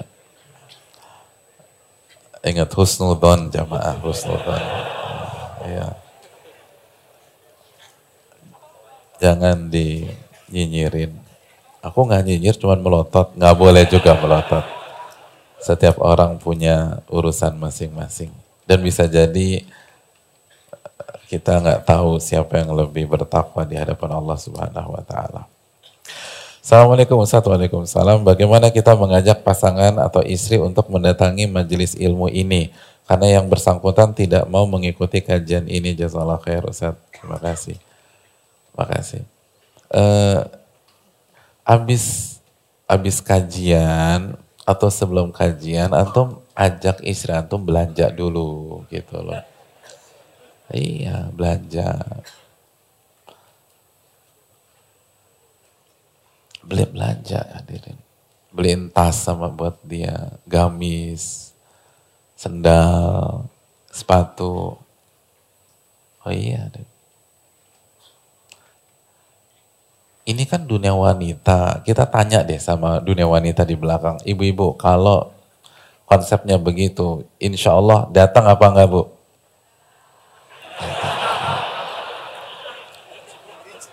Ada khilaf nggak ibu-ibu? Nggak ada khilaf. Ijma muttafaqun alaih. Loh iya, kan konsep mu'alaf. Loh duit itu pakai buat ini. Itu kan surat At-Taubah ayat 60. Mu'alaf tuh jangankan dibeli tas, berhak dapat zakat. Mu'alaf tuh. Dan mu'alaf kan kata Imam Ibnu Qudama. Al-Imam Ibnu Qudama dalam kitab Al-Mughni dan Al-Mughni adalah buku terbaik dalam ilmu fikih. Banyak ulama bilang harusnya Al-Majmu' yang terbaik tetapi Imam Nawawi meninggal sebelum menyempurnakan Al-Majmu' sehingga banyak yang mengatakan Al-Mughni karya Imam Nukudama. Beliau mengatakan mu'alaf itu yang pertama siapa? Yang pertama orang non-muslim. Tapi sebelum itu saya jelaskan sedikit aja mu'alaf itu artinya orang yang hatinya sedang diluluhkan. Hatinya sedang diajak kepada Allah. Dilembutkan Nah, oleh karena itu mu'alaf terbagi menjadi banyak uh, komunitas. Yang pertama orang non muslim, tapi kita merasa kalau kita kasih nih, dia akan tertarik ke Islam. Itu yang pertama. Yang kedua kata beliau, orang yang baru masuk Islam. Beliau, ini orang udah menentukan pilihan, tapi masih goncang dan tekanan pasti besar. Nah, ya kasih biar tambah kokoh. Yang ketiga Islam KTP atau yang masih jauh dari Allah tuh kasih biar mau datang. Yang keempat kata beliau orang yang membenci dakwah. Mungkin dia nggak akan tertarik. Bagus kalau dia tertarik. Tapi kalaupun dia nggak tertarik paling nggak dia akan diam. Sehingga energi kita bisa untuk hal lain. Ini bukan masalah takut nggak takut. Ini efisiensi, efisiensi energi. Jadi gunakan uang kita untuk mentaklif. Jadi istilah mu'alaf yang populer di masyarakat yang artinya pindah ke Islam walaupun udah lama itu kurang tepat. Karena kita sering dengar, Ustadz aku mu'alaf loh, emang masuk Islamnya kapan? E, 1987. Ya Allah lama banget. 87. Dan mu'alaf itu bukan gelar kebanggaan. Itu artinya hati Anda masih lemah dari tahun 87. Makanya nggak pernah ada istilah Umar bin Khattab mu'alaf, Uthman mu'alaf, Sa'ad bin Abi Waqqas mu'alaf, Abdurrahman bin Auf. Kalau nggak semua mu'alaf hadirin. Kenapa nggak dikatakan? Karena imannya udah kokoh, nggak perlu dilembutin lagi. Jadi ajak pasangan kita beli, kasih dia nggak apa-apa itu hadirin untuk sementara tuh itu nasihat dari Imam Syafi'i juga demikian kasih hadiah kata Imam Syafi'i itu maksimalin gitu loh setuju ibu-ibu yang bilang setuju iya Pak dan niatkan dalam rangka menjalankan sunnah Nabi yang namanya mu'alaf. Ya hadirin yang dirahmati oleh Allah. Ini kan sama istri sendiri hadirin. Ini kan istri sendiri kan bukan istri orang kan. Masa hitung-hitungan. Istri sendiri. Nabi itu di perang Hunin. Ini enggak, bukan istri, musuh. 100 ontak. 100 ontak tuh Nabi. Salam salam. Salah satu di antara yang dikasih apa? Abu Sufyan, Kasih Rasulullah. Muawiyah. Bahkan panglima perang. Yang habis perang sama Nabi. 100 ontak. Tuh. Itu dikasih. Tuh. Ya, apalagi kita keluarga sendiri, apalagi ini istri, ibunya anak-anak. Kalau dia kalau dia dapat hidayah ini anak-anak kita tuh masya Allah, ya jangan hitung-hitungan lah gitu. Masya Allah. Ya. Allah Ta'ala misal.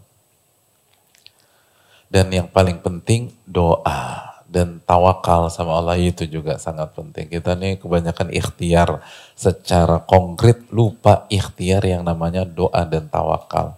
Minta, sujud, biar pasangan kita dapat hidayah. Allah ta'ala bisa.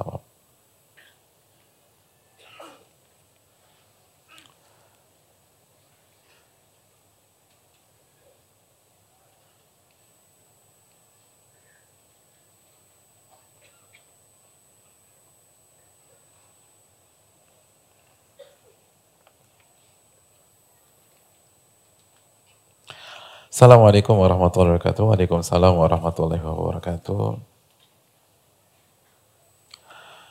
Semoga Allah memberikan kesehatan dan keberkahan untuk Ustadz dan kita semua yang hadir. Amin. Ayah saya menderita kanker teroid stadium 4. Alhamdulillah diafani. Hadirin kalau kita dengar ini kita baca apa?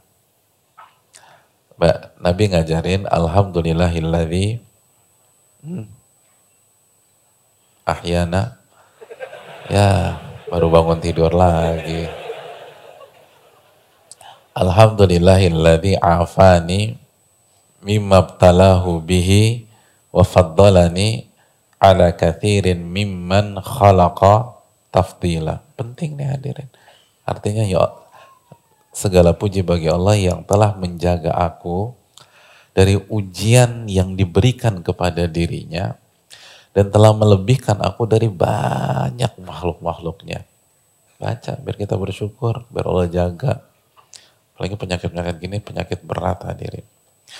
Saat ini kondisi beliau sudah tidak dapat mobile, hanya berbaring saja. Itu pun gerakannya terbatas. Hanya tinggal tangan yang dapat aktif. Pertanyaan yang ingin saya tanyakan bagaimana cara wudhu untuk kondisi beliau. Apakah boleh tayamum atau tetap wudhu dengan air? Saat ini yang beliau lakukan beruduk dengan mencelupkan tangan di baskom dan hanya membasuh tangan, muka dan kepala. Uh, Assalamualaikum jazakallahu wa iyyakum dan ini pertanyaannya ternyata dari ayah beliau yang sakit loh. Jadi ayah, nah ini antum jangan mau jangan mau kalah nih. Ini fastabikul khairat, beliau sedang sakit tapi masih aja pengen tahu ilmu dari masalah yang beliau hadapi. Nggak bisa datang nitip anaknya. Kita punya waktu, punya tenaga, kesehatan, udah deh. Surat Ar-Rahman udah kalau nggak mau datang. Fabi ayyi ala'i rabbikuma tukadziban. Jadi nikmat mana lagi yang kita dustain? Ini beliau sakit masih pengen belajar. Masih hasrat ingin taunya besar.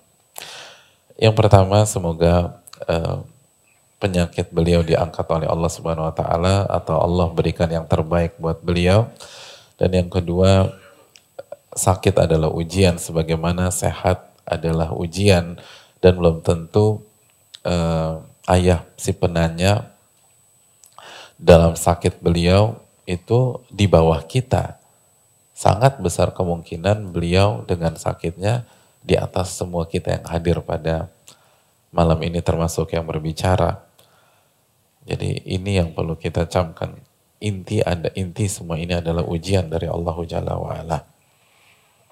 Yang berikutnya semoga pertanyaan beliau ini tanda keimanan beliau, ketakwaan beliau, dan eh, ketulusan dan keikhlasan beliau. Jadi artinya anak mana yang nggak sedih ya, nggak ngedepin orang tua seperti ini. Tapi saran saya atau uh, masukan saya bagi anak atau si penanya, si anak, di samping kesedihan, kita harus bahagia. Ini harus bangga nih punya ayah seperti ini. Ayah yang udah sakit segala macam masih nanya cara wudhu. Gak mau ketinggalan ibadah, gak mau ketinggalan sholat kepada Allah. Khawatir sholatnya gak sah kalau wudhunya bermasalah. Oh jarang hadirin. Ini langka nih. Ini punya ayah kayak begini. Bersyukurlah kepada Rabbul Alamin. Dan berbahagialah. Dan kawal terus. Sampai semoga beliau husnul khotimah. Atau kita yang husnul khotimah. Kita nggak tahu bisa jadi kita meninggal duluan. Walaupun yang stadium 4 beliau. Tapi paling nggak dikawal dengan dengan baik. Dan jangan hanya sedih, harus ada rasa bahagia memiliki ayah seperti itu. Ini jauh ribuan kali lebih afdol, lebih baik daripada punya ayah sehat walafiat tapi nggak sholat. Punya ayah sehat walafiat tapi nggak peduli mana halal mana haram. Ini punya anak ayah sakit tapi semangat beribadah kepada Rabbul Alamin. Yang berikutnya jemaat sekalian, fattakullaha mastata'tum. Bertakwalah kepada Allah semampu kalian. Semampu kalian. Boleh bertayamum apa tidak, tergantung mampunya gimana. Karena ketika Allah berbicara tentang tayamum dalam surat Al-Ma'idah ayat 6, Allah kan menggunakan kalimat falam tajidu ma'a fatayammamu sa'idan tayyiba. Maka dan dia uh, dan kalian tidak menemukan air atau ketemu tapi nggak bisa menggunakan air. Maka tayamum dengan so'id yang suci. Jadi parameternya bisa nggak? Kalau masih bisa Allah Ta'ala alam tetap menggunakan air. Kecuali kalau dipak, dikasih air kesakitan tersiksa perih maka uh, bisa beralih ke tayamum tapi kalau masih bisa, maka diwudukan saja dan ambil rukun-rukun wudhu secara umum seperti uh, wajah, tangan, kepala, kaki. Tadi kakinya ketinggalan. Kaki itu uh, rukun, artinya anggota-anggota tubuh yang Allah cantumkan di dalam surat uh, Al-Maidah ayat 6. Jadi rukun wudhu yang ijma gitu loh, atau yang disepakati yaitu anggota tubuh yang disebutkan dalam surat Al-Maidah ayat 6. Lalu uh, silakan beliau sholat. Wallahu ta'ala. Assalamualaikum warahmatullahi wabarakatuh. Waalaikumsalam warahmatullahi wabarakatuh. Ustadz saya ingin meminta nasihat saat ini saya sedang diuji oleh Allah. Istri saya sedang sakit. Anak saya yang masih baik kondisinya juga kurang sehat. Usaha saya diambang bangkrut. Tabungan saya sudah habis. Anda minta nasihat dari Ustadz agar bisa memotivasi saya agar tidak futur dan memberikan saya semangat untuk tetap rajin beribadah dan menuntut ilmu. Semoga Allah melindungi dan memberikan ilmu yang uh, memberkahi ilmu yang Ustadz berikan dan yang kami terima. Jazakallah amin ya alamin. Jamaah ini loh nih. Saya mau ganti sedikit. Saya ingin meminta nasihat. Saat ini saya sedang diuji oleh Allah Kan begitu ya. Nah kalau kita robah, saya sedang diuji oleh Allah. Istri saya sehat. Anak saya uh, fit dan prima. Usaha saya sukses. Tabungan saya numpuk. Itu ujian juga jamaah. Dan gak ada bedanya dengan ini. Dan bisa jadi ini lebih bertakwa daripada yang diuji dengan kenikmatan. Wa nabluukum wal khairi fitnah kata Allah. Kami uji manusia itu dengan kesulitan dan dengan kelapangan. Jadi jangan sampai ujian itu hanya konotasinya yang negatif-negatif aja. Kan gitu. Saya ingin tanya, jomblo itu ujian nggak dari Allah? Ujian. Ujian. Punya punya istri, ujian nggak? Ujian. Bahkan ada yang jawabnya lebih dalam lagi daripada para jomblo. Ada banyak masalah dengan istrinya. Jadi hadirin yang dirahmati oleh Allah SWT, semua ini ujian. Semua ujian. Poinnya adalah jamaah, yang pertama kita harus tahu konsep hidup tuh kayak apa. Pattern hidup tuh seperti apa. Jangan salah kaprah. Konsep hidup semua ujian. Semua ujian. Bahkan Nabi kata mal faqra akhsha alaikum. Saya nggak mengkhawatirkan kemiskinan menimpa kalian. Yang saya khawatirkan dunia dibuka sama Allah. Berarti kan kalau lihat item ini, kalau Nabi kata ini artinya poin yang ketiga, poin keempat, ini Nabi nggak khawatir nih. Kan Nabi mengatakan mal faqra akhsha alaikum. Aku nggak mengkhawatirkan kemiskinan menimpa kalian. Yang aku khawatirkan dunia dibuka. Berarti Poin yang ketiga, usaha saya diambang kebangkrutan, Poin yang keempat, tabungan saya sudah habis. Kalau yang jawab Nabi, Nabi nggak khawatir hadir. Saya nggak khawatirkan ini nih. Yang saya khawatirkan justru tabungan Anda banyak dan usaha Anda sukses itu yang Nabi khawatirkan. Hadirin, jangan melihat dunia dengan kacamata mayoritas. Wa intuti aktsara man fil ardi yudilluka an sabilillah. Apabila Anda mengikuti mayoritas yang ada di permukaan bumi, mereka akan menyesatkan kalian dari jalan Allah. Hadirin berpikir out of the box atau outside the box. Ketika mayoritas orang melihat pakai kacamata dunia, kita berusaha melihat pakai kacamata akhirat. Orang miskin itu masuk sorga lebih cepat berapa tahun daripada orang kaya hadirin? Hah? Hah? Berapa? 500. Atau sedendam itu sama orang kaya. Kan arba'ina kharifa kata Nabi. 40. 40. Iya, aku tuh gemes Pak Ustadz gitu loh. Kayak mau naik pesawat aja, aku ngantri, boarding kayak ular tangga, dia fast track, fast track, fast track, fast track. Biarin lama aja sekalian Pak Ustadz. Lo jangan. Jadi hadirin, semua udah ada takarannya deh. Gak usah terlalu itulah. Makanya kan doa Nabi apa jamaah? Wala taj'al musibatana fi dinina. Ya Allah jangan jadikan musibahku menyerang agamaku. Nabi nggak Nabi nggak mengatakan jangan sampai musibahku menyerang duitku, fulusku, kesehatanku, tapi agama.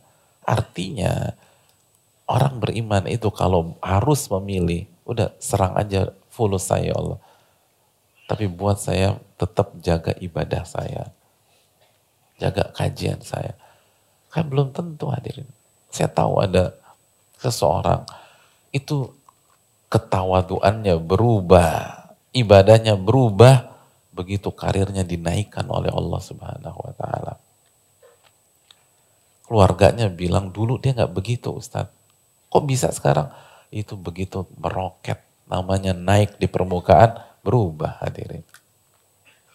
Jadi itu yang perlu kita camkan. Jangan sampai musibah itu menyerang agama. Selama nggak menyerang agama, itu bukan hal yang digalaukan oleh orang-orang yang beriman. Maka solusinya banyak deket-deket sama Allah. Takarrub deh, kuatin ibadah. Dan ingat pertolongan Allah tuh dekat Alla inna nasrallahi qarib. Ketahuilah pertolongan Allah itu dekat. Dan banyak bergaul dengan orang yang lebih susah dari kita. Lebih susah dari kita. Undur ilama man huwa asfala minkum. Lihatlah orang yang lebih susah dari kita. Gitu loh. Usaha anak diambang bangkrut. Lihat yang bangkrut gitu loh. Ini kan baru diambang. Cari yang bangkrut tabungan saya udah habis, cari yang minus gitu loh, gitu loh. Cari, banyak deh gitu loh. Cari. Tapi jangan suudon nih muka-muka minus kayak ini. Buru-buru, loh jangan. Muka nggak menentukan hadirin. Gitu loh. Anak masih banyak kondisinya kurang sehat. Tanya, lihat teman-teman yang anaknya keguguran anak yang meninggal, apalagi anak semata wayang. Eh, cari yang begitu. Kita banyak bersyukur kepada Allah Subhanahu wa taala.